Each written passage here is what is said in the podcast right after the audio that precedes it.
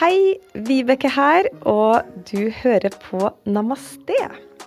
Dagens gjest er en av Norges mest erfarne ashtanga-utøvere, og en lærer med mer enn 25 års fartstid, nemlig Ellen Johannessen. Hennes eh, undervisning er basert på en omfattende bakgrunn innen bevegelse, først som profesjonell danser, og siden som avansert ashtanga-utøver. Ellen er dypt engasjert i østlig filosofi, har bodd mange år i Nepal og har en mastergrad i Buddhist Studies og Himalayan Languages. Jeg har hatt eh, Ellen på lista mi over eh, yogapersoner som jeg har hatt lyst til å prate med i lang tid, og endelig har jeg fått henne i studio. Velkommen, Ellen. Tusen takk.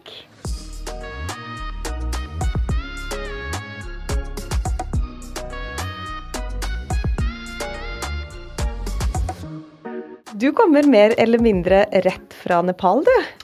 Ja, det er vel en uke siden jeg kom igjen nå. Ja. Mm. Hva har du gjort der? Eh, jeg har eh, tatt med folk på tur. Ja. Eh, vi hadde en 16 dagers tur, så vi var en tur og gikk opp i fjellene ganske høyt. Og så var vi på yogaretreat etterpå. Så det er på en måte min, min nye greie. Ja. å ta med folk Eh, å ta med folk til Nepal og vise dem den fantastiske kulturen og folket og livsstilen. Og også yogaen som, som finnes i Nepal. Det er på en måte en tur tilbake, kan vi si, til, til yogaens røtter. Mm. Så det, jeg bruker jo min kjennskap og min kunnskap om, om, yoga fra Himalaya-området og fletter det på en måte inn i en sånn tur, da. Ja. Mm. Det høres helt fantastisk ut. Ja, det er helt fantastisk. Du får bli med en gang. jeg har faktisk ikke vært i Nepal, så det, det skal jeg sette på lista mi. Eh, men du har jo bodd mange år i Nepal, Ellen. Mm. Ja, det ble sånn. Jeg hadde jo tenkt å bo ett år i Nepal. Jeg hadde lyst til å lære meg tibetansk språk. Ja. Så jeg tok et, eh, jeg tok et årsstudium som, eh, som tolk i tibetansk. Uh, med uh, litt kjennskap til, uh, til språket. og jeg fant, jo, jeg fant, jo, fort ut at jeg måtte jo lære meg hva, jeg, hva, i all verden det var jeg skulle tolke. Men jeg skulle tolke for tibetanske lamaer. Så da ble det en bachelorgrad i det som heter Buddhist Studies og, og språk fra Himalaya-området.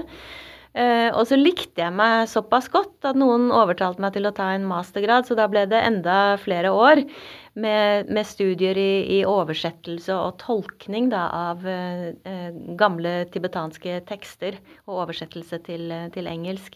Så jeg har på en måte studert både den muntlige og den skriftlige oversettelsestradisjonen og tatt et dypdykk inn i, i eh, buddhistisk filosofi og tenkning. Ja, men um hadde du da vært i India først? For at på det tidspunktet her så drev du med yoga? Eller ja, hvordan starta ja. det, du? Det, eh, det, kom jo Det kom jo fra eh, Det begynte jo med India og hele liksom den fascinasjonen for indisk og østlig, la oss kalle det østlig filosofi, da. For det er buddhismen også oppsto jo i, eh, i India. Eh, så hele den fascinasjonen begynte jo med at jeg var i Mysore. Og det var egentlig det som gjorde mest inntrykk på meg da jeg var i Mysore første gang i 97. Det var å ha liksom Å bli introdusert til Patanjali Yoga Sutras og gjøre pranayama med en brahmin, liksom. Det var stas. Uh, og, på, uh, og på senere, ved senere besøk så kom jeg jo i kontakt med, med den buddhistiske kulturen, som fins også nærme Mysore. Det er jo en stor uh, tibetansk bosetting ikke langt fra Mysore, så jeg var på besøk der. Ble introdusert for lærere og lamaer der, og også praktiserende buddhister. Så det, det fascinerte meg veldig. Mm. Og det endte jo med at jeg bosatte meg faktisk i et tibetansk eh, Så dette her var jo eksiltibetanere som bodde i India. Så jeg bosatte meg mer eller mindre i et kloster i tre år. Oi. Og var litt til, frem og tilbake fra Norge og liksom og hoppet inn og forsøkte å forstå noe av tradisjonen og, og lære meg språket. Så det var inngangen. Og så skjønte jeg over tid at jeg måtte ha litt mer strukturert undervisning, så da begynte jeg på ved Katmandu universitet, hvor de hadde et veldig bra, for ikke si kanskje verdens beste, opplegg i, i tibetansk språk, hvor du kan, hvor du kan studere bare eh, buddhistisk filosofi, og ikke, du behøver ikke å gjøre liksom, religious studies, du kan konsentrere deg bare om, om buddhisme. Så da ble det det. Hvordan var det å bo i kloster? Det var veldig fint, og jeg er veldig glad for det på mange måter. Eh, jeg er glad for den erfaringen. Eh, og det var jo noe som alltid hadde fascinert meg. Det var det som eh, det, Jeg vil ikke si det asketiske, men, men kanskje det som heter renunciate-livet, da. Som man, sier, som man sier, på engelsk. Hva betyr det? Ja, Det betyr jo å gi avkall på visse ting, da. Mm. Og for å konsentrere seg om noe annet. Og man gjør jo det. Det er jo typisk ved den buddhistiske tradisjonen at det er en monastisk tradisjon, i motsetning til den hinduistiske eller brahministiske, hvor familien er liksom Hvor man praktiserer innenfor familien når man er gift og lever et vanlig liv. Mens den tibetanske tradisjonen har alltid vært eh, har alltid vært innenfor eh, klosterlivet. Så det var fascinerende for meg å bo sammen med så mange mennesker som vil det samme. Mm. De har jo ikke, eh, har jo ikke familie. De uh, har jo ikke uh, De har jo ikke på en måte en ja, De har en karriere, kan du si, og gjør studier innenfor, innenfor klosteret. Men de har jo det er jo et alternativ til det vanlige familie- og, og karrierelivet som, som, de har valgt, og som det er en tradisjon for. Og, og det syns jeg var veldig fascinerende Å bo sammen med ja, det var 5000 munker der som, som, holdt på med dette her. Og, og, og, det er kanskje mange som lurer på hva de gjør i et uh, kloster. Og det man uh, hovedsakelig gjør, det er jo læringsinstitusjoner. Det er jo en enorm uh, tekstlig og kunnskaps- og visdomstradisjon som må holdes ved like. Så det krever jo eh, at en viss gruppe mennesker gjør en innsats og studerer og, og, og, lærer seg denne kunnskapen og er i stand til å formidle den videre.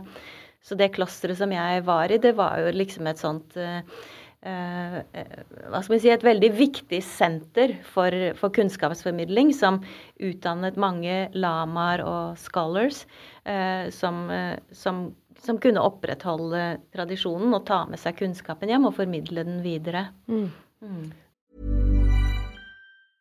Cool fact a crocodile can't stick out its tongue. Also, you can get health insurance for a month or just under a year in some states. United Healthcare short term insurance plans, underwritten by Golden Rule Insurance Company, offer flexible, budget friendly coverage for you. Learn more at uh1.com. Hva var det du savna mest når du var i kloster? Det var vel egentlig Det var ikke så mye. Det var ikke så mye jeg savnet. Uh, dette her var på landsbygda i, i India, en liten by som heter Bilakuppe. Uh, av og til så hadde vi jo ikke strøm og vann, så sånne ting, sånne ting kunne man jo savne. Uh, I tillegg så, så, blir det jo liksom Det blir veldig sånn rett og galt. Så, og jeg har jo liksom bakgrunn Jeg kommer jo fra kunst. ikke sant? Jeg er mm. utdannet danser. Så det er noe jeg kan savne av og til. At ja, la ting være litt gærent. La, la meg gå og se en, en, forestilling som er litt utenom det vanlige, hvor folk er litt gærne og har sitt eget perspektiv på ting. Så akkurat den kreativiteten, mm. kunne jeg, det kunne jeg savne. Mm. mm. Men man kan jo si at du er et kroneksempel på en person som har integrert yoga i livet. Og nå forstår man jo også at du er en person som har integrert eh, mye annet. Eh, hva jeg skal si, Når du bor i kloster, så er det jo mye med rutiner og det er vel mye faste ting som man gjør. Um, og for det så har jo det her blitt en 100% livsstil. Eh, og det å ha en fast og dedikert yogapraksis i livet, det er det veldig mange som ønsker seg. Jeg får ofte spørsmålet liksom fascinert over at mm. hvordan det er så etablert hos meg, da. Mm. Eh, men mange, inkludert meg sjøl, opplever jo innimellom at hverdagen og livet kommer i veien, og det er lett å finne på unnskyldninger for å ikke komme seg på matta. Fordi at det krever jo en enorm disiplin. Og da har jeg lyst til å si hva er egentlig hemmeligheten? Mm. For meg så var det ikke noe sånn vanskelig overgang. Jeg hadde liksom danset siden jeg var 11-12 år, og det ble mer og mer av det. Så det, var, eh, så det var en veldig integrert del av livet mitt å, gjøre en, en, en, eller annen praksis, en trening om morgenen, ikke sant. Det var mm. på en måte eh, Jeg var ikke helt meg selv hvis jeg ikke hadde gjort det. Mm. Eh, og det tror jeg har Det har vel med sånn eh, ja, følelsen av å være seg selv, at det er en type som man kaller embodiment, da. Eh, så du må, liksom, du må liksom gjøre det for å, for å, føle at du er helt våken, for at du er helt i kroppen, for at du er helt til stede. Eh, så for meg var egentlig yogaen bare noe som overtok eh, fra den rutinen. Mm. Så det var ikke noe vanskelig i det hele tatt å, å, å opprettholde det. Og i tillegg så, så var jo det et, et tema i livet mitt. At jeg kanskje ønsket meg den dedikasjonen til noe som jeg følte veldig dypt og sterkt. Og, og, ikke så mye tiltrekning til det som kanskje andre er tiltrukket av, som er det å ha en familie og ha kjærester og ha liksom uh, den type liv. Det var aldri egentlig noe, noe tema for meg. Nei. Av ulike grunner. Det er kanskje noe man er en sånn um, tilbøyelighet man er, man er, født med. Mm. Ja, for ja, og der, og der, kommer jo liksom de her valgene man tar, da. Og, og det no, Jeg begynte jo med yoga etter at jeg hadde fått barn. Så mm. for meg så på en måte eh, har jeg jo aldri egentlig følt at jeg har hatt det valget med å gå, ta den helt ut, hvis man kan si det, si det sånn. Men um, hva, hva, betyr det egentlig å være liksom dedikert? Som du sier, den der tilbøyeligheten, det å ønske å, å tilhøre noe, da? Hva, hva liksom mm. er den her dedikasjonen? Eh, jeg tror jo at man, man kjenner det inni seg, at det er noe som eh, Det er noe som gir deg en, en veldig sterk opplevelse at du er på rett sted. Mm. Et indre kompass. Noe er viktigere enn eh, noe annet. Og man jobber seg dit. Ofte, og, så blir, og, så kjenner man at det, det er distraksjoner som, som, river det i en annen retning, og det er det jo alltid.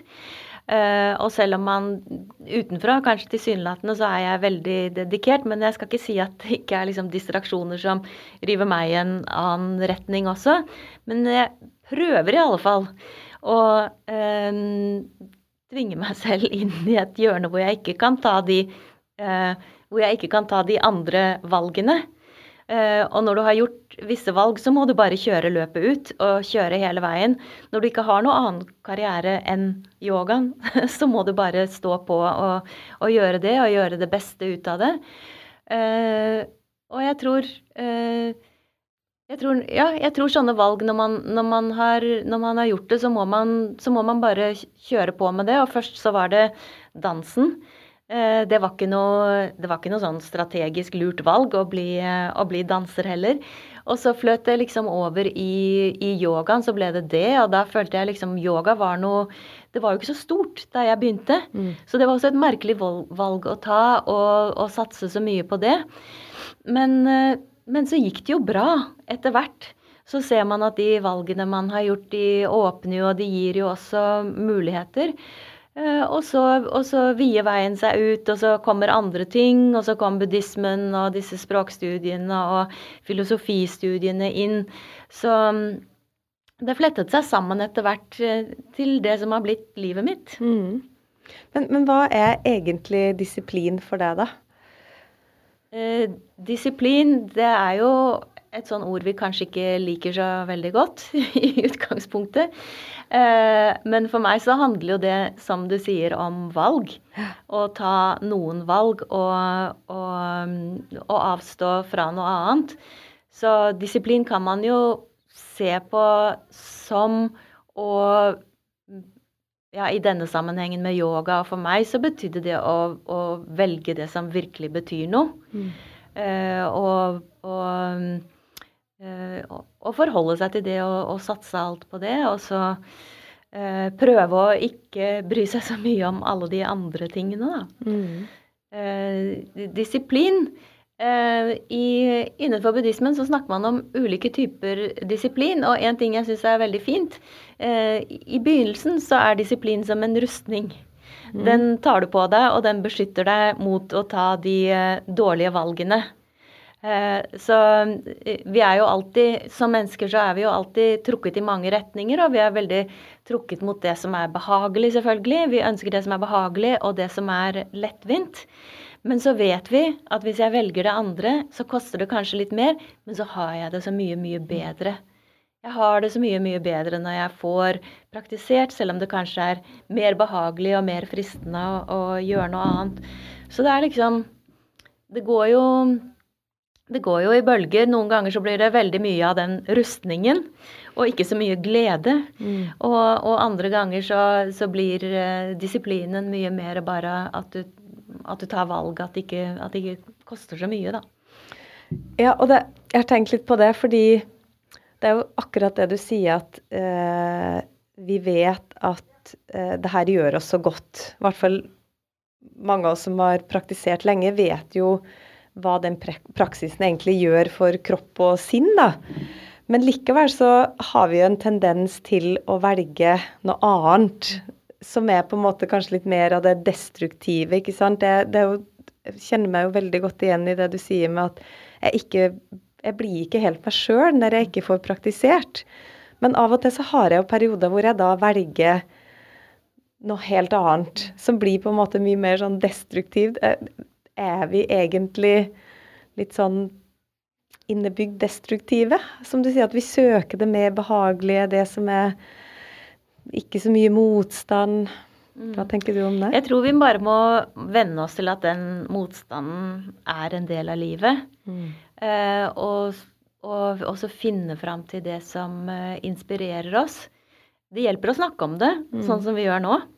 Eh, at man ikke tror at man er alene om å, å, stå der på matta og grue seg litt, og kanskje ønske at man gjør noe annet. da. Mm. Lyst på en kopp kaffe til. Og, og jeg eh, prokrastinerer som bare det. Det kan gå liksom mange runder, spesielt når man praktiserer hjemme, ikke sant. Eh, men at vi vet at det er en sånn eh, greie, da. Uh, og det husker jeg at jeg hørte på Richard Freeman, som er et av mine idoler. da, Den som har praktisert veldig veldig lenge, og en av de første studentene til Patabi Joyce, som sa det liksom at ja, selv etter så mange år, kanskje 20-30 år, så står jeg på matta og tenker for meg selv at kanskje jeg skal gjøre en surya namaskar A. Man må ikke love seg selv for mye. Og så gjør jeg en surya namaskar av?» og så tenker jeg kanskje at jeg skal gjøre en til. Og da gikk det opp for meg at den motstanden, den kommer alltid til å være der. Mm. Man må bare finne seg måter å, å komme over det. Mm. Ja, og det er jo litt det de sier at altså den eh, vanskeligste delen av det er jo faktisk bare å rulle ut matta og gå på. Mm. Men jeg tror det gjelder for andre ting. Altså jeg kjenner det igjen fra liksom kunsten og hvor mange runder man går rundt seg selv før man kommer inn til liksom det man egentlig skal holde på med.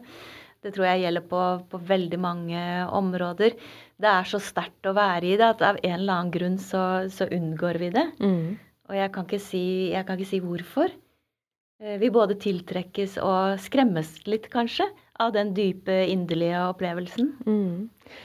Men, men, for å liksom konkretisere det litt, da. For det er jo som du sier, at disiplin blir jo ofte sett på som et veldig negativt ord. Og at det blir veldig sånn nesten mer mot tvang. Men, men liksom, hvordan kan man etablere disse her gode rutinene da, med f.eks. en, en uh, yogapraksis? Men altså innenfor alle spirituelle praksiser, så de har jo sånne lister ikke sant, om ting. Og det var kanskje noe av det som fascinerte meg med å lese Patanjali Yoga Sutras første gang og studere det. at Yes, de har jo en sånn bra oversikt over sinnet. ikke sant? At det finnes hindringer, og det mm. finnes noe annet bak det dagligdagse som vi kan søke.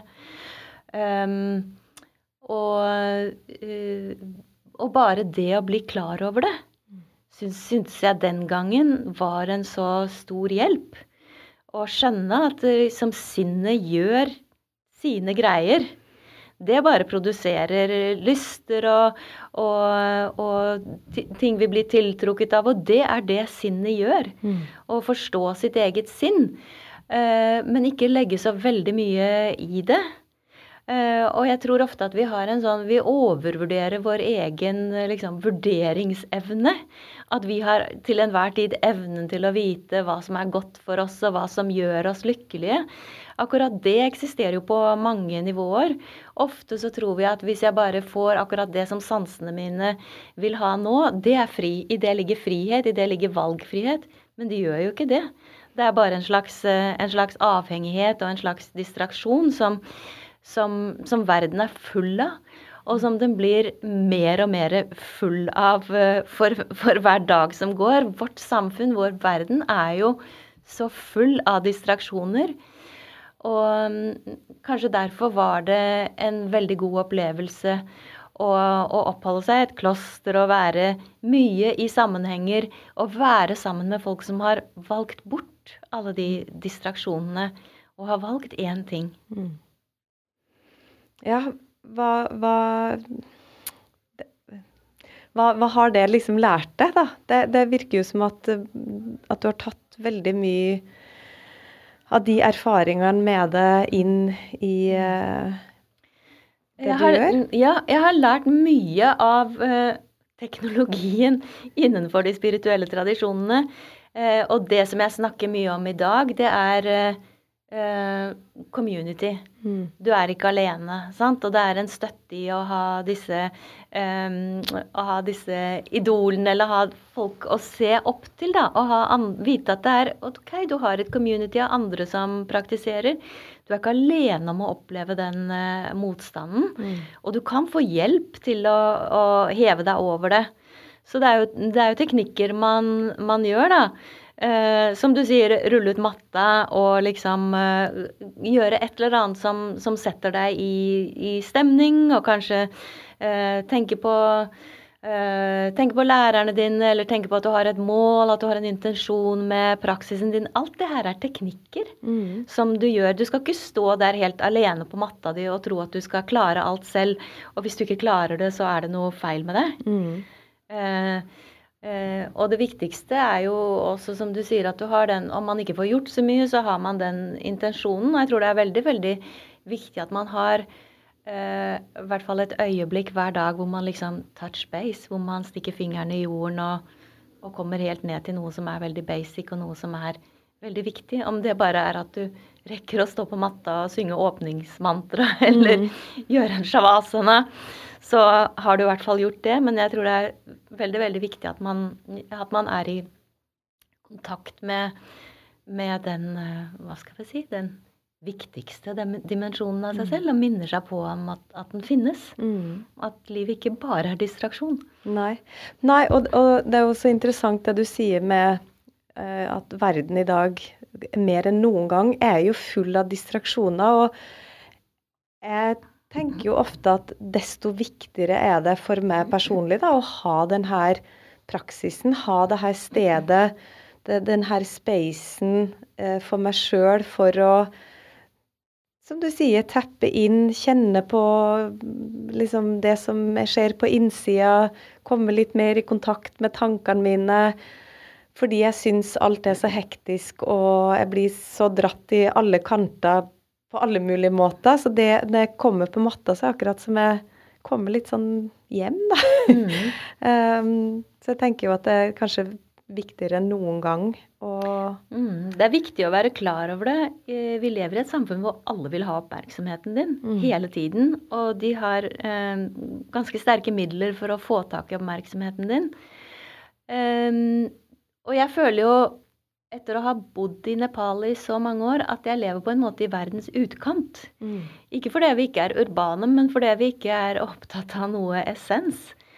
Eh, mens liksom eh, noen ganger kan Katmandu føles mer som verdens sentrum. Mm. For der er det så mange. Det altså alle graviterer mot på en måte det som er viktig, noe som er veldig eksistensielt, som handler om liv og død. Mm. Ikke sant? Uh, og sånn sett så kan det føles som man er mye, mye mer i, i verdens sentrum uh, når man er der. Selv om mange ikke har hørt om Katmandu i det hele tatt og ikke kan plassere det på, på kartet. Uh, så, men vi kan i alle fall gjøre vårt. Og jeg tenker på bare en sånn enkel ting som å ta seg på beina, stå barbeint på matta, kjenne kontakten med bakken, med kroppen. Eh, det setter oss i hvert fall i kontakt med noe som er veldig grunnleggende. Og så kan man jo eh, huske på at det finnes alternativer, og kanskje man kan ta seg litt fri reise bort, gjøre en dag eh, hvor man legger fra seg eh, mobiltelefonen sin og, og, eh, og fokuserer på noe annet. Eh, sånn som det miljøet jeg var fra, så var det jo vanlig at folk dro i sånn eh, retreat. Og da mener jeg ikke en yoga-retreat hvor, hvor, du har luksus og spa og massasje og, og fin mat, men et rom. Mm. Eh, slå av mobiltelefonen. Nå er jeg i, eh, nå er jeg i retreat. Nå skal jeg gjøre en praksis i en måned eller, eller to. Kanskje ikke så lenge, men, men man, eh, man, velger å fokusere på én ting. Eh, og liksom Det inspirerte meg å være i et miljø hvor folk tar sånne valg. Mm. Og at det, det, faktisk er mulig, og samfunnet er tilrettelagt for at man skal kunne gjøre det. Mm. Og, og som lærer, da, hvordan videreformidler du de her tankene? Eh, det å, å, være lærer har jo endret seg veldig mye over tid. Jeg er ikke ambisiøs på samme måten på elevenes vegne som jeg kanskje var før. Eh, og jeg ser jo veldig verdien i nettopp det jeg sa, at folk får den tiden hver dag. At de kommer i kontakt med seg selv. At de får oppleve kroppen sin uten at det skal være noe mål eller noe hensikt med det, men at det har en verdi i seg selv. Spiller det ikke noen rolle for meg hvor uh, avansert praksis elevene har. Uh, men selvfølgelig, det er en opplevelse av uh, mestring og en nysgjerrighet og en glede over å kunne, over å kunne mestre yogaen, men da mestrer de det fordi de er i kontakt med et eller annet i seg selv. Mm. De finner en eller annen sånn logikk eller koordinasjon eller en opplevelse av kroppen som, som gjør at de, de, mestrer noe. Og det å, å gi folk uh, den opplevelsen, og den uh, opplevelsen av å, å, bli sett og bli tatt på alvor mm. Her er du med din kropp, du får lov å være akkurat der du er. Uh, jeg skal gjøre mitt beste for å, for å hjelpe deg videre, eller for å, um, for å, hjelpe deg inn i opplevelsen av pusten og av flyten. Um, det, og det å tilby ja, det å tilby det rommet hvor, hvor man kan komme akkurat som man, hvor, som man, vil, og gjøre sin praksis i sitt tempo, um, ja, det er det jeg ønsker å bidra med som lærer. Mm.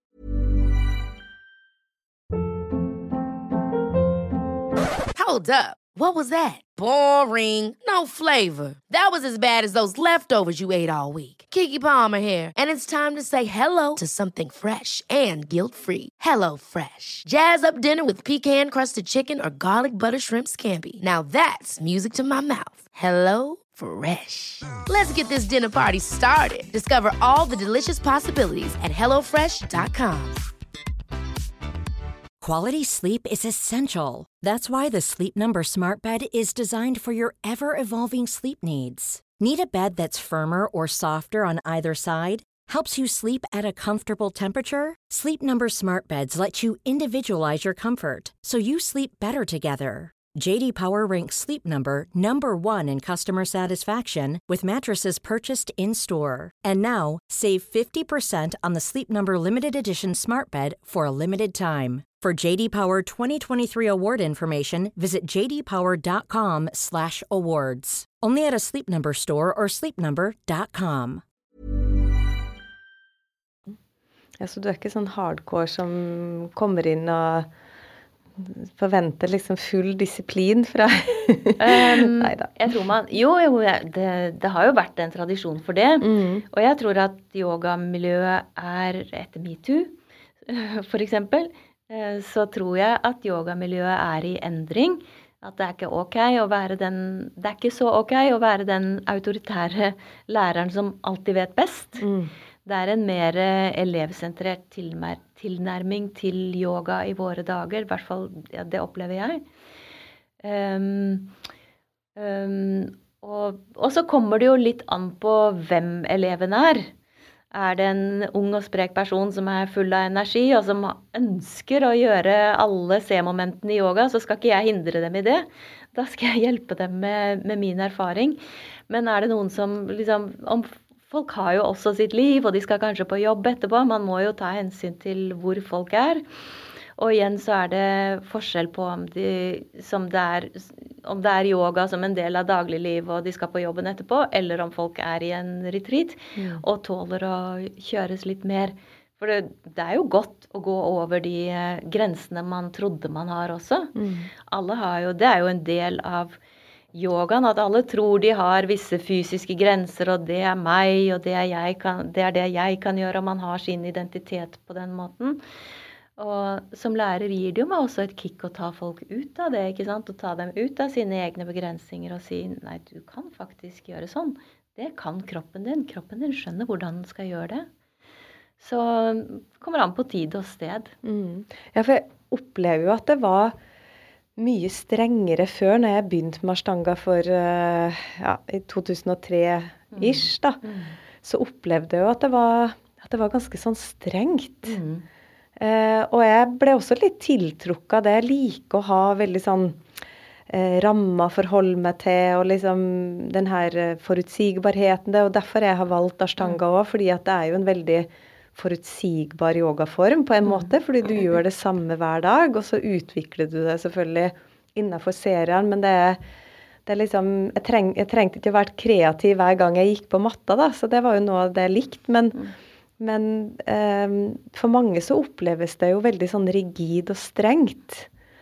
Det er en fin linje, syns jeg, hvor man, eh, hvor man, fokuserer veldig mye på den ene siden på hva som er rett og galt. Mm. Og vi som er i Ashtanga, har vært i Ashtanga-miljøet en stund, vi husker jo det at man ble holdt igjen i posisjoner, ikke sant. Mm. Hvis du ikke får til en posisjon, så, så, får du ikke lov å gå videre. Og det blir en sånn maktfaktor for læreren, da. Mm. Det er læreren som bestemmer liksom når du er klar mm. til å gå videre uten å ta hensyn til fysiske forutsetninger, ikke sant. Så det er jo en fin balanse, det der med disiplin. Eh, på den ene siden så er det, som du sier, noe veldig trygt og forutsigbart og, og øh, ja, noe fint i å, å, dedikere seg til OK, jeg skal lære én ting. Jeg skal ikke ta den raske veien utenom eller liksom å, å gå utenom hindringene. Jeg skal konfrontere de, de, fysiske og mentale hindringene jeg har.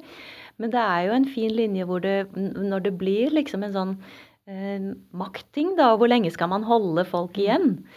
Eh, så jeg prøver Jeg opplever at det har blitt mer forståelse for det mm. i, i, våre dager. At man ser mer liksom OK, men kanskje det er en eh, Kanskje, det er, eh, kanskje man har litt sånn slingringsmonn der, og, kanskje, og folk har jo forskjellige fysiske forutsetninger. Og kanskje det er terapeutisk bra om man uh, lar en elev få, få, komme videre og gjøre noen andre typer øvelser enn bare de som er foreskrevet ifølge den strenge Ashtanga-serien. Uh, og når det skal være sagt, så hvis vi går tilbake i, i, historien, så endret jo Altså det har vært eksperimentert mye innenfor Ashtanga-formen også. Nå har jeg vært heldig å praktisere med de uh, tidlige elevene til Patabi Joy, som utviklet Ashtanga-formen. og og, han, og, ifølge dem så eksperimenterte jo Patabi Joyce også mye og ga ulike mm, elever ulike oppgaver, ikke sant, og ulike, um, ulike uh, uh, tilnærminger til praksisen. Så mm, det er jo noe med at det har sånn som jeg ser det, så over tid så har også, formen blitt veldig rigid. Mm. Som, sikkert, som, sikkert, har å gjøre med at det, På én side så har formen blitt, eh, blitt, mer rigid, som har å gjøre med at det er så mange elever, så man har ikke tid til den eh, personlige tilnærmingen lenger. Eh, på den annen side så har, man, så har også undervisningen blitt litt mer tilpasset en eh, enkelt elev. Mm. Ja, fordi det, det, det er jo interessant at det har liksom forandra seg så mye. Og det, som du sier, det kan jo være mange grunner til det. Eh, fordi Ja, og det, det, er en, det, er jo en, ganske krevende oppgave for en lærer å skulle gi individuell tilpasning til praksisen nå. Da skal du jo bruke ganske mye tid med hver enkelt elev. Og så kan du si det er jo veldig mange eh, rundt omkring som praktiserer hjemme, da, som mm. ikke har den læreren. ikke sant? Hvordan skal de tilnærme seg eh, praksisen mm. og det er jo en, det er jo en balanse mm. med å, å, å uh, å gi folk oppmerksomhet i perioder. Og så må man la dem få holde på for seg selv, for det er jo en self-practice, mm. tross alt. Og jeg tenker at de som praktiserer hjemme, bør jo også av og til sjekke inn eh, med en lærer. Og så er det jo kjempefint at man er for seg selv og, og utvikler eh, praksisen videre. Og, og, selv så har jeg jo for det meste praktisert eh, på egen hånd. Jeg har bodd, jeg har bodd i India, eller ute på landet i India hvor det ikke var noe lærer, og i Nepal og, og sånne ting. Eh, så det er en, det er en fin balanse der. Eh, og man kan jo man kan jo også kjenne på at den, eh, den disiplinen kan godt bli en sånn ny en ny liksom sånn belief, da. At bare jeg gjør akkurat sånn som det er foreskrevet, så, er det, så ligger liksom frelsen der. Mm. Uh, mens jeg tenker jo mer at uh, hvis det er noe frelse å snakke om, så ligger jo den i Det er jo så ligger jo den i det du gjør det til sjøl. Mm. Med at du dedikerer deg til, din, til din, praksis og, og gjør den så godt du kan. Det er jo ikke noe sånn Sånn som jeg ser det, så er det ikke noe sånn magisk med formen i seg selv, og den har jo også blitt endret over tid. Men det er jo noe, er jo noe magisk i det å, å gå inn i, i, kroppen og gå inn i seg selv og, og, og, og være i pusten og, sjekke inn med seg selv hver eneste dag. Det ligger det jo noe i over tid. Mm. Eh, men eh, disiplin og dedikasjon, da, som vi har snakka en del om, de det var, det var, egentlig noe nytt som eh, dukka opp for meg her for ikke så lenge siden, som, eh, som heter The Four Ds over Stanga Så tenkte jeg mm. sånn, det har jeg ikke hørt så mye om. Og så når jeg begynte å lese litt om det, så er jo da disiplin og dedikasjon sammen med hengivenhet og besluttsomhet, altså mm-hmm. devotion og determination. Mm -hmm. um, og så kjente jeg jo at ja, det er jo Det beskriver jo egentlig veldig godt på en måte den tradisjonen eh, som vi holder på med, da. At det er liksom eh, At det er viktige faktorer på en måte å tilnærme seg når du skal, skal holde på med det her. Eh, kjenner du til 4Ds? Eh, Nei, altså jeg måtte jo google det. og så så jeg at det var noe som eh, Sharat, den som eh, hovedguruen i, i, i, vår tid, da, eh, snakker om. Og det her er jo litt sånn typisk, tenker jeg, for, eh, for eh, østlige tradisjoner, og at de lager sånne lister. Ja. Men så er det jo Det er jo en grunn til at man har disse listene, og da må vi jo begynne i, i god eh, østlig tradisjon, da. Definere begrepene våre. Hva i all verden mener vi med dette her? Så, eh, sånn at det ikke bare, bare, blir sånn at ja, vi tenker at vi skjønner hva det betyr, og så, og, så, og så, tolker vi det ut fra våre egne forutsetninger og vår egen hverdag, liksom. Eh, men hva, hva, menes med, hva menes med dette her? Hva er det man er dedikert til? Er man liksom dedikert til en høyere makt, eller, eller hva menes med det? det? det? skulle jeg jo gjerne vite, da. Ja. Hva som ligger bak disse her eh, begrepene. Eh, Ellers så kan man jo man kan jo finne sånne, jo finne sånne lister og, og pekepinner i uh, jeg, Da går jeg liksom like gjerne tilbake til Yoga Sutras og ser som, uh, og ser hva som finnes der, i form av liksom distractions og hindringer, og bruker det som en slags kart over, over sinnet og praksisen. Ja. Men, men, hengivenhet, da, for det ble litt sånn den her devotion, altså å være hengiven. Eh, og, og det kan jo kanskje i, i, hvert fall litt sånn første tanke hos meg være litt sånn at du hengir det til til noe som er liksom større, eller hengir det til eh, Og er det liksom viktig? Liksom, har det noe med religion å gjøre? For at yoga har jo i utgangspunktet ikke noe med religion, det har jo mer med en filosofi å gjøre. Men hva vil det da si å hengi seg til en tradisjon? Ja, si det. Ja. Det må man jo Det må man jo nesten eh, definere selv. Men jeg vil vel tenke mm, Altså, jeg er så opptatt av det mm, verdien av å, å, å ha en, det vi kaller en somatisk eh, opplevelse, da. Eh, og det har jeg med meg fra, fra dansen. Eh, eh, som egentlig min bakgrunn var veldig Den var veldig eksperimentell. Det var ikke noe sånn estetisk. Det var ikke det som var viktig, liksom. Hvor høyt man kunne løfte beina og, og hoppe og sånn. Men det var liksom det potensialet som, som, lå i å ha tilgang og tilgjengelighet til ens, ens egen kropp, mm. sånn at den følger din intensjon. Mm. Og det er jo veldig mye det som skjer i yoga når vi snakker om liksom å og, og bli teknisk eh, flink og beherske ting og sånn, eh, så kommer jo, kom jo, det på en måte gjennom, eh, gjennom, repetisjon, men ikke kanskje som man ville gjøre det i en hvis man drev med turn eller noe sånt noe. Men at man får mer tilgjengelighet til ens egen kropp. Man skjønner den mer, ikke sant. Mm. Um, så, og, og, kanskje der ligger, ligger verdien. At ikke Eh, at det ikke er noe mål.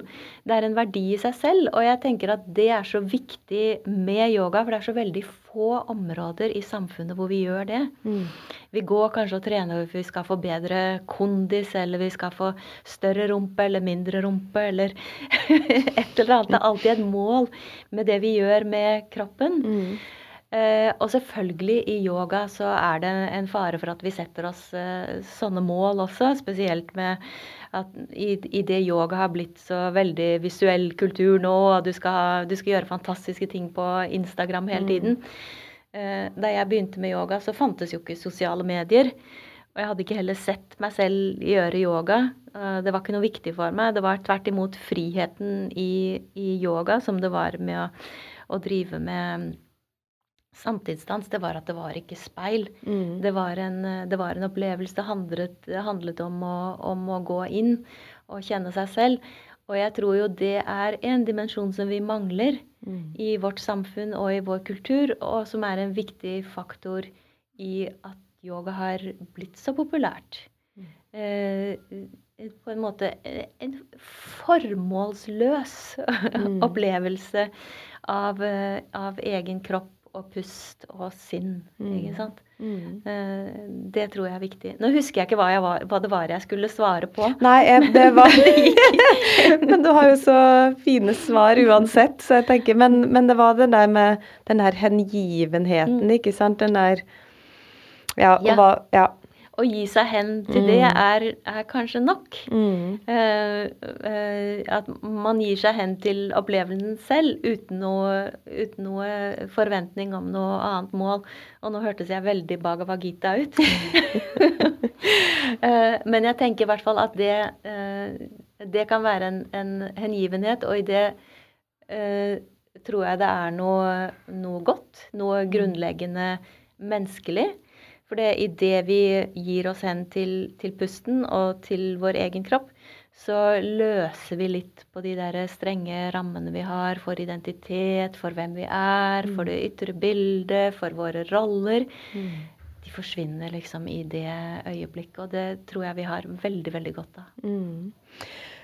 Men når vi snakker om disiplin og den her dedikasjonen og det her, da eh, og jeg var inne på det her med at det kan fort bli, eller mange kan oppleve at det blir rigid og strengt. Um, og jeg har jo opplevd selv at en del av de valgene jeg har tatt rundt uh, å ha denne yogapraksisen, og det kan være det at jeg har valgt å ikke drikke alkohol i perioder fordi jeg skal stå opp tidlig og praktisere, eller at jeg har reist bort en måned i India for å fordype meg i praksisen, så får jeg ofte litt sånn å ja, men er ikke det veldig egoistisk?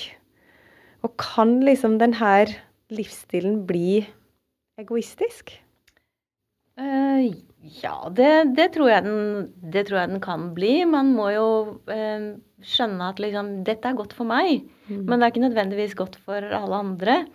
Så man må jo passe seg for å bli en sånn besserwisser som forteller andre at uh, du burde gjøre det, og du burde gjøre det. Eh, om det er bra for deg, så er det, eh, så er det ditt valg. Eh, men samtidig så tror jeg man må være ganske streng på det.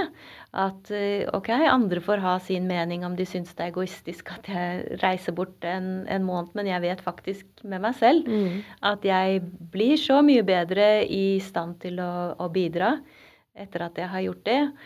Og i hvert fall fra, den, ja, fra det miljøet jeg har vært i det siste, så er det jo helt, er det jo helt vanlig å gjøre sånne uh, retreater. Det, det er like, like, nødvendig som å spise og sove. Mm. Uh, du må jo nære den uh, dimensjonen av deg selv også. Mm. Det som er det aller viktigste. Hvis det er liksom kilden til, til din kraft og din medmenneskelighet og din visdom, så må du jo for all del bare gjøre det. Mm.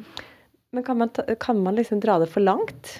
Ja, det kan man sikkert, og det har jo jeg gjort i, i perioder. Mm. Uh, da jeg begynte, så, så, var det ikke så mange Jeg hadde jo ikke støtte i noe miljø. Jeg følte meg veldig alene med, med ashtanga-yoga. Det var ikke mange som praktiserte i Norge. Og jeg, uh, jeg, jeg holdt meg liksom til det halmstrået som var å tvinge meg selv til å praktisere Eh, full første C, det var det jeg kunne da, hver eneste dag, ikke sant, og ikke tok hensyn til, eh, til om det var vondt eller, eller eh, om jeg var sliten. Jeg tvang meg selv veldig mye igjennom, for jeg tenkte liksom hvis jeg ikke praktiserer, så er det en første spiker i likkisten. Mm. Så jeg var veldig, veldig streng med meg selv, og det, det, kan jo, det, kan jo, fort bli for mye. Og du kan si at nå har jeg snakket my mye om opplevelse, egen kropp, på at vi kan kjenne så mye og kjenne oss selv gjennom yoga. Men det kan jo også bli en måte å bypasse vonde følelser, ikke sant. At du, mm. du eh, Og sånn brukte jeg det helt sikkert. I perioder hvor jeg hadde det vondt med meg selv, hadde veldig liten selvtillit og, og, og, og kjente på det at å, ja, jeg eh, jeg kan jo ikke det, og jeg kan jo ikke det.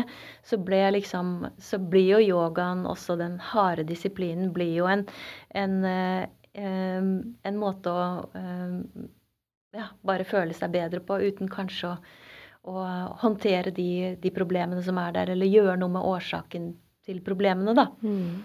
Så, så, det kan jo godt gå i, i den retningen òg, at det blir en sånn ny Eh, det blir en sånn ny addiction, da. Mm. Hvor, og da kan vi snakke om Da laget jeg mine fire a-er. Yeah. Man skal se opp for ambition, attachment, addiction og abuse. Yeah.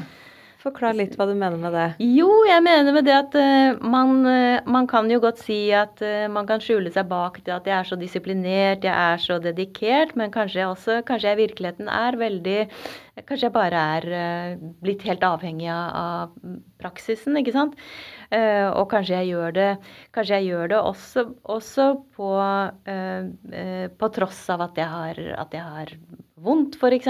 Ikke sant? At jeg mm. faktisk er litt sånn at jeg misbruker min egen, eh, at jeg misbruker min egen kropp. Og da ser du liksom man får skader om man bare fortsetter, og det har jeg gjort selv.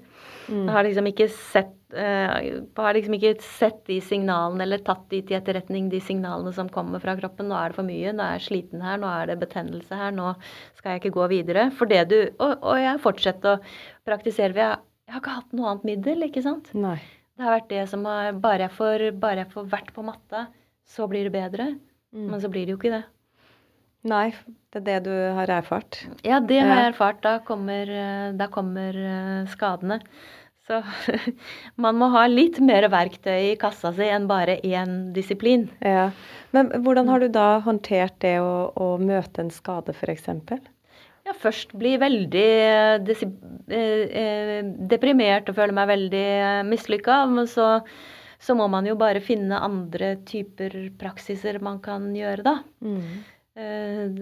Man Det er jo en grense for alt.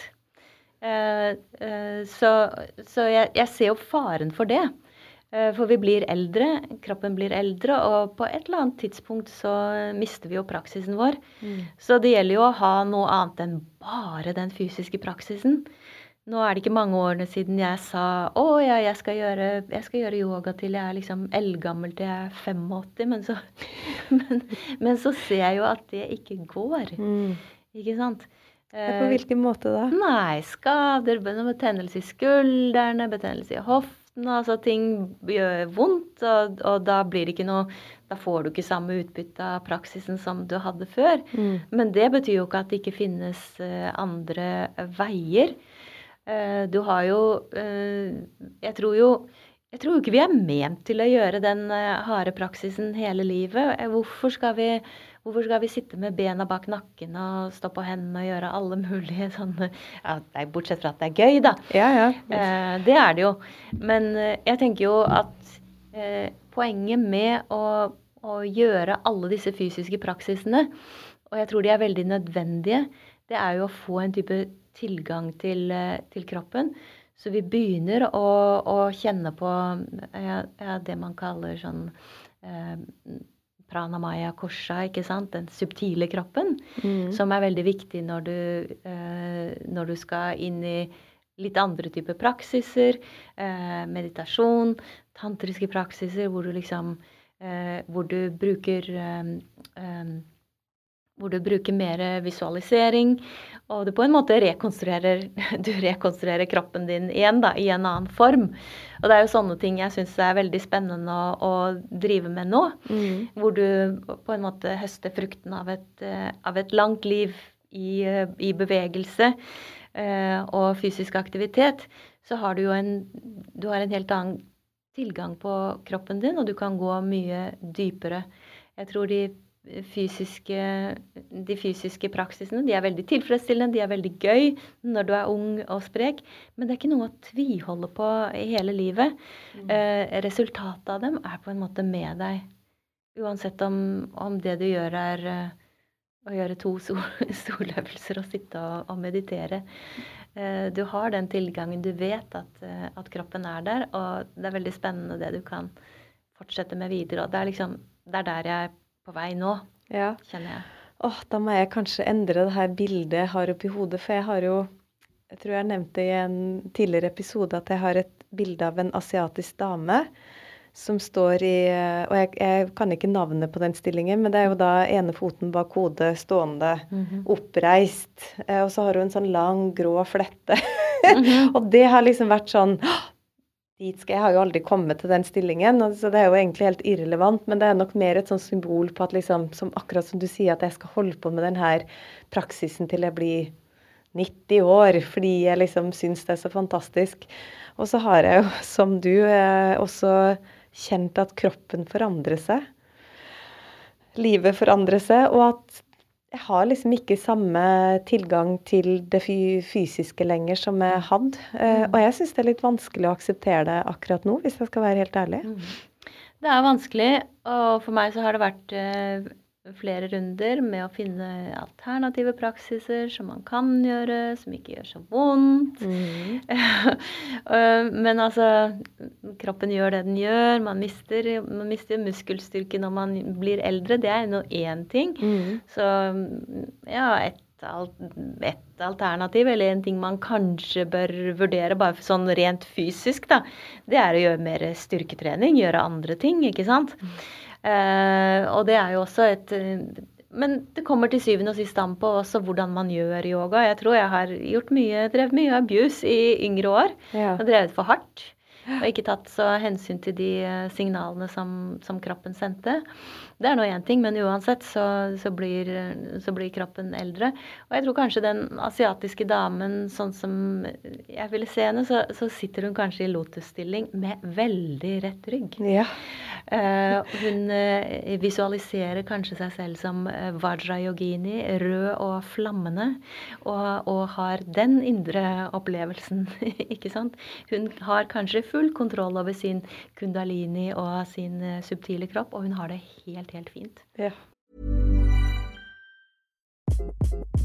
Hi, this is Craig Robinson from Ways to Win, and support for this podcast comes from Invesco QQQ the official ETF of the NCAA. Invesco QQQ is proud to sponsor this episode and even prouder to provide access to innovation for the last 25 years. Basketball has had innovations over the years too. We're seeing the game played in new ways every day. Learn more at Invesco.com slash QQQ. Let's rethink possibility. Investco Distributors, Inc.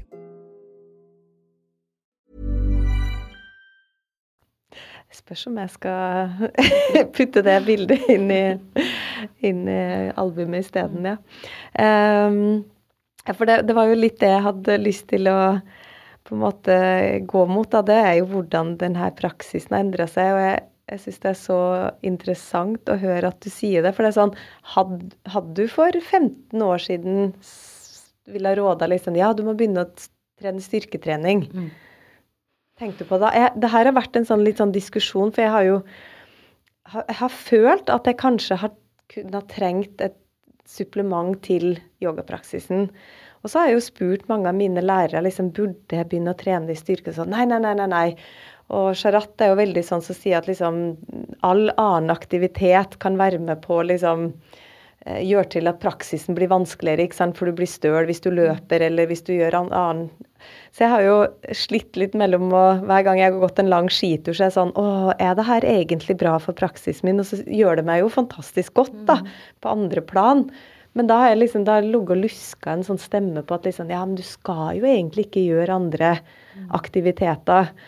Eh, og nå er det ikke så lenge siden, eh, i januar, så begynte jeg å trene styrke. Mm med en fysioterapeut fordi jeg har hatt uh, ulike Plutselig fikk jeg vondt i kneet, hatt liksom en skulder, nakke som plager meg. Så har jeg jo egentlig bare innsett selv, da, i hvert fall for min kropp, at jeg tror at styrketrening er bra for meg. Mm.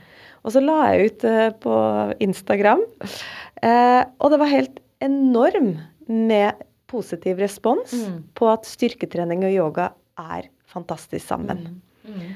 Og da tenker jeg jo at jeg skulle ønske at noen hadde kanskje anbefalt meg det. Altså, burde jeg jo ha tenkt selv, altså. Det er ikke det jeg sier, men uh, ja. Jeg ser jo mer og mer av det. Og hvis vi først snakker om hva som finnes på sosiale medier, hvor de store lærerne er, mm. uh, at flere og flere av dem gjør supplementerende supplerende praksiser. Mm. Uh, når de blir eldre, ikke sant. Og det er jo visse svakheter. Altså kvinner vi har, vi har, mindre, vi har mindre, muskelstyrke, og det er veldig mye som kreves av våre skuldre øh, og armer, ikke sant. Mm. Uh, uh, som man ikke nødvendigvis uh, utvikler gjennom ashtanga hvis du ikke har en veldig, veldig bevisst holdning til din praksis. Og man kan gjøre sånne ting litt feil i mange, mange år, og det går under radaren. Mm. Fordi læreren ikke vet nok. ikke sant? Det mm. hender jo også. Og man da liksom eh, Det ser jeg, det ser jeg stadig, liksom. Det, det, folk gjør ting som ikke er bra over lang tid, og det går helt under radaren på, på lærerne. Uh, og jeg tenker at det er bra og, og når, man, ja, når, man, kjenner de signalene, og, og før også, og, og, gjerne når man blir eldre, og, supplere litt med, med, styrketrening, så man ikke, så man ikke er i, i, fare for å overbelaste kroppen. Den blir jo også svakere når man blir eh, eldre. Og man blir fortere støl osv. Det merker du sikkert. Ja. Før så kunne man gjøre nesten hva som helst. Jeg kunne få hva som helst av justeringer. Du kunne kjøre over meg med en traktor. Nå er det en lærer som sa en gang. men, men det går absolutt ikke nå. Nei. Nei, og jeg har jo tenkt at åh, det må være noe gærent med kroppen min, og kanskje jeg spiser feil, eller du vet sånn. Og jeg er jo så glad for at jeg kan ha den samtalen her og skjønne at eh, det, det kanskje bare er normalt. At det er Og så, skal vi jo ikke putte under en stol at vi eh, damer Altså en ting er at vi har hormonelt eh, Jeg har jo fått tre barn, så alt det hormonelle som skjer under graviditet og barsel, men også eh, overgangsalderen. Altså hvordan den er med på å endre kroppen. Og det skal vi også ha veldig respekt for, da. Mm. Har du noen opplevelser rundt eh, det som du kan dele? Nei, jeg har ikke noe Jeg må beklage og meddele at det har jeg ikke noe Akkurat overgangsalder har jeg ikke noe eh, Det har jeg ikke noe særlig opplevelser med. Nei. Det gikk ganske sånn smooth for min del. Eh, men jeg ser jo det Men jeg kan jo alltid lure, selvfølgelig, om visse plager jeg har fått, har med det å gjøre. At det liksom når det blir eh, en eh, senebetennelse i skuldrene som ikke går bort, eller vondter i kroppen Det er jo mange som opplever det. Mm. Og det kan jo ha med, med overgangsalder å, å gjøre. Eh, men bortsett fra det så har jeg ikke noe sånn um, Men det vet jeg ikke Nei. for min egen del. Uh, men man kan jo lure på det. Man bør jo være oppmerksom på det med elever òg. Mm. At det kan være en så enkel forklaring når noen har liksom vondt et eller annet sted, og de går til så mye leger og fysioterapeuter og behandlinger, og så, og så blir det ikke bedre. Mm. Så har det kanskje med det å gjøre. Og da kanskje la folk få gjøre noe alternativt en stund, i hvert fall, og så mm. se om det hjelper på situasjonen. Mm. Man, må jo ta, man må jo ta hensyn til eh, situasjonen og, som elevene er i. Mm. Men du, hva Hvis du skal liksom gi lytteren liksom et godt råd, at om det er livsråd eller ditt beste tips Jeg pleier alltid å avslutte med det. Mm. Ja, det tenkte jeg Det tenkte jeg jo litt Det har jeg tenkt litt på. Mitt beste tips eh, sånn, eh, sånn, for livet så tenker jeg jo at det er å, å, å følge hjertet og mm. gjøre det du virkelig kjenner at du, at du skal gjøre, så at du kjenner det. Eh, jeg tror jo at man selv om man ikke kanskje velger noe hvis det gjelder sånn yrkesvalg og livsvalg, at man kanskje ikke velger noe som virker så veldig strategisk, så tror jeg alltid at man blir best på det man brenner for. Mm. Uh, og at man, at man, da går liksom dy virkelig dypt inn i noe, det tror jeg har en, en, verdi. Enten det er det man ender med å, å, å, jobbe med og holde på med, men jeg tror det gir i hvert fall en sånn dyp kunnskap som man kan uh, ha med seg i livet etterpå, uansett uh, Uansett hva man, eh, hva man driver med. Um, det tror jeg virkelig. Um, Så bra. Ja. følg, følg, hjertet, og gjør noe du brenner for. Det syns jeg er veldig gode tips å ta med seg. Tusen hjertelig takk for eh, at du ville komme og dele. Jeg er helt sikker på at jeg kommer til å invitere deg igjen. For du eh, har så utrolig mye kunnskap og erfaring og klokskap som eh, folk må få høre. Så tusen hjertelig takk, Ellen. Tusen takk for at jeg fikk komme, Vibeke.